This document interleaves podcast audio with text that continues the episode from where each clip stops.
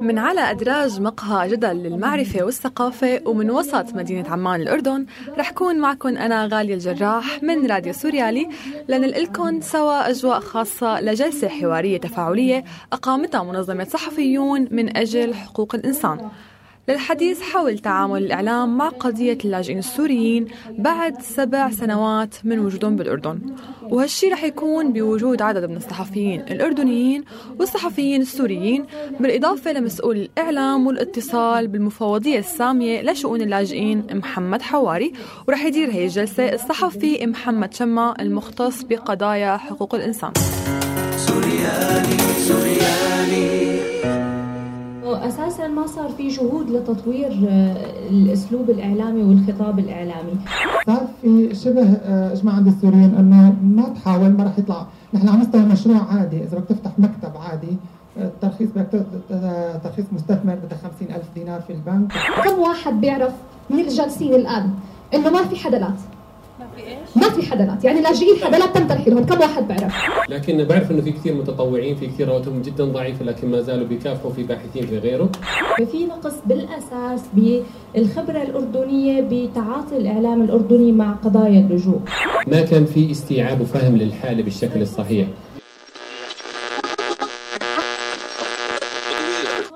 نقاشات كثيرة بين الصحفيين الأردنيين والصحفيين السوريين حول القضايا يلي لسه ما تم معالجتها بالإعلام الأردني وأهم كان قضية تصاريح العمل للسوريين وكمان استغلالهم بسوق العمل الأردني. وكمان دار موضوع الحديث عن وضع المرأة السورية ببلاد اللجوء وكيف الإعلام الأردني بيصور المرأة السورية. وهلأ معنا منظم الجلسه الحوارية الصحفي الأردني المختص بحقوق الإنسان محمد شما ليحكي لنا أكثر عن هالجلسه التفاعلية. محمد شو الشيء اللي دفعكم لتنظموا مثل هيك جلسة نقاشية حوارية؟ الذي دفعنا لتنظيم جلسة نقاشية آه، حوارية حول أداء وواقع التغطيات آه، الإعلامية لشؤون اللاجئين في الأردن آه، اللاجئين السوريين هو بعد سبع سنوات من الحرب في سوريا وبعد سنوات من تغطيات كثيرة وكثيفة في وسائل الإعلام الأردنية آن الأوان لإعادة تقييم الأداء الإعلامي من حيث التعاطي مع قضايا اللاجئين. أه وجدنا أنه كان لابد أن نبحث عن سؤال عريض وكان هو عنوان الجلسة ما الذي تغير في التغطيات الإعلامية للمشهد السوري واللاجئين السوريين؟ هل تغير عددا أه على حساب النوعية أو النوعية على حساب العدد؟ آه، كنا نحاول أن نجيب من خلال الضيوف الكرام أربع صحفيين اثنين سوريين واثنين أردنيين و ممثل المفوضية السامية لشؤون اللاجئين ما الذي تغير؟ تغير بمعنى هل ما زال هناك خطاب كراهية جاثم في وسائل الإعلام هل هناك ما زال آه، إتجار آه، باللاجئين واللاجئات تحديدا هل هناك آه، شيطنة للاجئين؟ حاولنا أن نناقش ما الذي تغير. للأسف طبعا الموضوع ما زال يعني متراوح ما بين أداء رديء في وسائل الإعلام وتحديدا في المواقع الإلكترونية وبالمقابل صحف يومية يعني خفض خطاب الكراهية لديها بعضها انحاز إلى الأرقام ويبتعد عن أنسنتها والبعض الآخر ابتعد عن الأنسنة التي آه، فقط تبكي اللاجئين وهو ما لا نريده أيضا والانحياز للموضوعات المعمقة التي تساعد شو الموضوعات المهمة برأيك اللي لسه ما طرحها الإعلام الأردني؟ الموضوعات التي آه، لم يطرحها الإعلام أو حتى إن طرحها لم آه، تأخذ شكل المتابعة الجيد المهني هي كثيرة ربما إذا كان لي متسع هنا أن أذكر على سبيل المثال موضوعات تتعلق ب ظروف حياة اللاجئين في المخيمات وأيضا خارج المخيمات. الظروف الإنسانية الصعبة التي ربما يواجهها اللاجئ هو ليس لاجئا بتعريف المفوضية السامية لشؤون اللاجئين بقدر ما هو يعيش في عمان ولا يستطيع أن يدبر قوت يومه. الواقع الصعب الذي يتعرض له العامل السوري الذي يعمل تحت السخرة لكونه ببساطة غير معترف فيه في القطاع الذي يعمل به رغم الاتفاقية الدولية والدعم الذي تلقاها الأردن لأجل إخراج العمال السوريين في سوق العمل.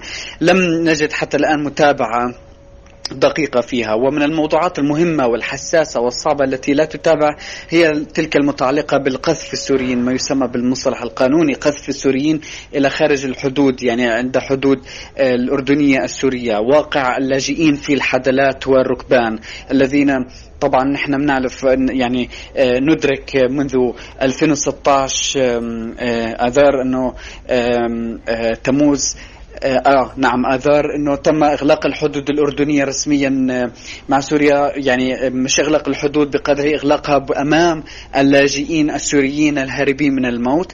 للأسف هذه لم تغطى الموضوعات ولم تطرح بالصورة اللائقة. تحكي لنا محمد شو أكثر القضايا اللي تم تسليط الضوء عليها؟ نعم يعني هي أكثر القضايا التي تم تسليط الضوء عليها وذكرتها هي قضايا اللاجئات زواج القاصرات الإتجار بالبشر بهم الاغتصاب. يعني القضايا المتعلقة في الجنس للأسف هي دائما ما تحوز على اهتمام بعض وسائل الإعلام الأردنية ولأكون أكثر تحديدا في المواقع الإلكترونية. التي آه، آه، تعتمد دائما على أخبار غير موثوقة وغير دقيقة بالأصل وهو ما أشرنا إليه في الجلسة التي نظمتها آه، طبعا منظمة صحفيون من أجل حقوق الإنسان، أنا أعتقد أن إعادة فتح الحوار مرة أخرى هو من شأنه دفع زملاء وكان عدد كبير من صحفيين اردنيين وسوريين حاضرين في في هذه الجلسة. ناقشوا هذه النقاط وأدبيات وأخلاقيات العمل الصحفي املا فعليا في إحداث التأثير ليس فيهم إنما هم يقدروا هذا الموضوع ولكن بآخرون على اعتبار أن ربما آه، الدائرة قد تكبر وتشمل آه، صحفيين أكثر. يحترموا المهنة ويقدروا ويتعاملوا مع قضايا اللاجئين وكأنهم بشر بحاجة لأن يتم مساعدتهم من خلال قضايا تبحث في إشكاليات يتعرضون لها وانتهاكات من شأنها تساعدهم لحماية أكبر لحقوقهم محمد كيف تعاملت الوسائل الإعلام الأردنية مع قضايا اللاجئين السوريين؟ تعامل وسائل الإعلام الأردنية مع قضايا اللاجئين آه، آه، بطريقة ربما آه، طريقة إثارية تعتمد على جذب الجمهور بحثا عن الترافيك بحثا عن جذب أكبر عدد ممكن من القراء من خلال عناوين فضفاضة غير إنسانية عناوين تتجاوز فعليا حدود المهنة بحيث أنها تعتمد على على سبيل المثال لاجئات سبايا زواج قاصرات اغتصابات وما إلى غير ذلك بمعنى إثارية شكلها العام هي انتهاك لصورة اللاجئ أو اللاجئة للأسف. هذه هي الذي يتعامل معه. الجانب الآخر يتعاملون معهم وكأنهم أرقام. بمعنى كثيرا ما نقرأ في وسائل الإعلام دخل إلى الأردن أو أدخل الأردن مثلا 200 لاجئ ولاجئة عدد اللاجئين في مريجب الفهود على سبيل المثال 7500 عدد اللاجئين كذا كذا. يتم التعامل عادة معهم وكأنهم أرقام ليسوا بشر. لا يوجد أنسنة لا يوجد متابعة معمقة. شكرا محمد لوجودك معنا. وكمان أخذنا رأي محمد حواري مسؤول الإعلام والاتصال بالمفوضية السامية لشؤون اللاجئين حول شو يلي تغير بالتغطية الإعلامية الأردنية لموضوع اللجوء السوري. وكان رأيه أنه أصبح اليوم في وعي أكبر للصحافة الأردنية حول ماهية اللجوء السوري بالأردن. لأن الأردن استقبلت عدد كبير من اللاجئين غير السوريين بالبداية مثل العراقيين والليبيين والفلسطينيين. لكن الموضوع السوري برأيه كان مختلف قليلا عن باقي الدول ووجود كمان وتعامل المفوضية ووجودها مع قضية اللجوء السوري كمان كان مختلف عن تعاملها مع باقي الدول.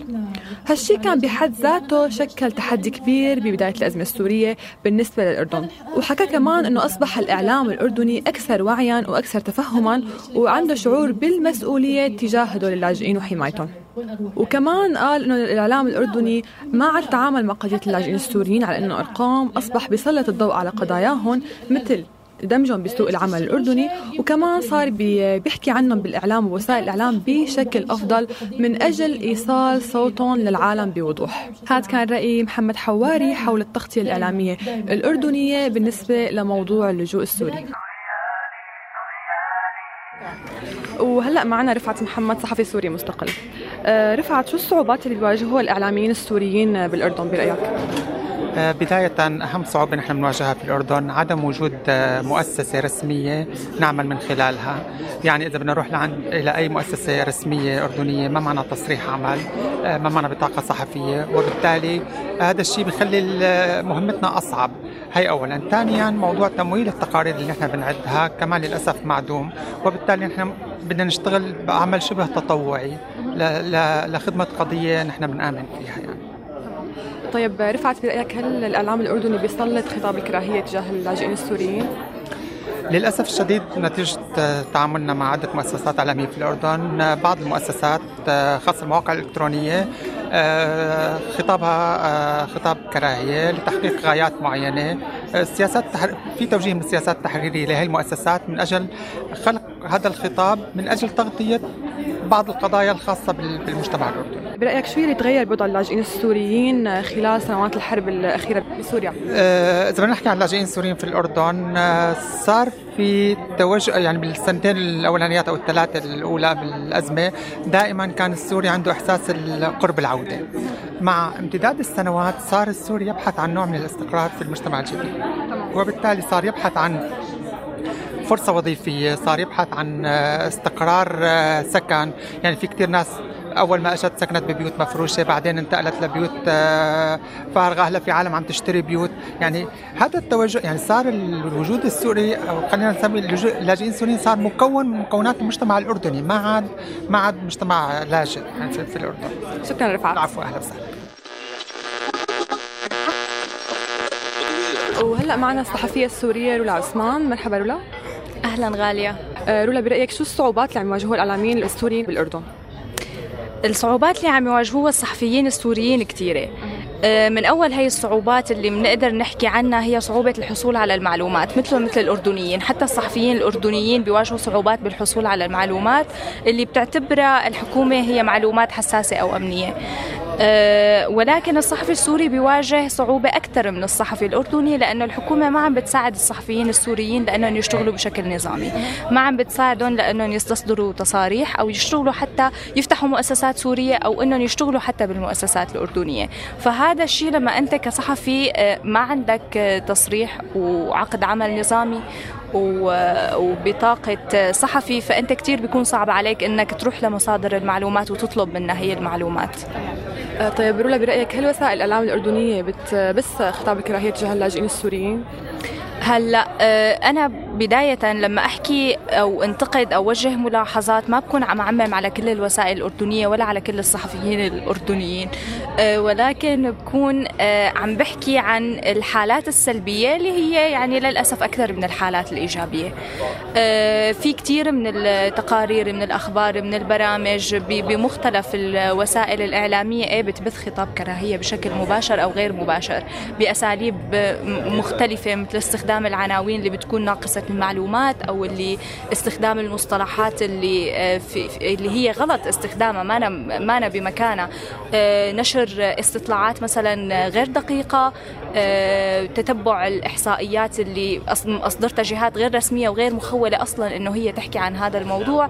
كل هاد كل هاي يعني كل هاي تعتبر أغلاط بتأدي لخطاب الكراهية. تمام شكرا رولا أهلين. وهلا مستمعينا رح نستعرض كمان نماذج من آراء السوريين على صفحة الجلسة الحوارية على الفيسبوك. محمد جزار عم بيقول أعتقد أن المشكلة الأساسية تكمن بطريقة تعاطي الإعلام الأردني مع الموضوعات المتعلقة بالشأن السوري. فأنا أجدها في معظمها تحريضية كما أن الجانب الإنساني مغيب تماماً. كمان رأي حسان عم بيقول موضوع الاستقرار والخوف من المجهول أعتقد أنه يؤرق السوريين في الأردن. على سبيل المثال الموافقات الأمنية والتصريحات بشكل عام عدا عن غياب أفق المستقبل بالنسبة للسوريين. سوريالي سوريالي وهيك مستمعينا منكون نقلنا لكم هالأجواء الحلوة من هالجلسه التفاعليه الحوارية عن التغيرات اللي طرقت على التغطية الإعلامية الأردنية بالنسبة لموضوع اللاجئين السوريين بالأردن. كنت معكم أنا غالية الجراح من مدينة عمان الأردن، ضلوا بخير.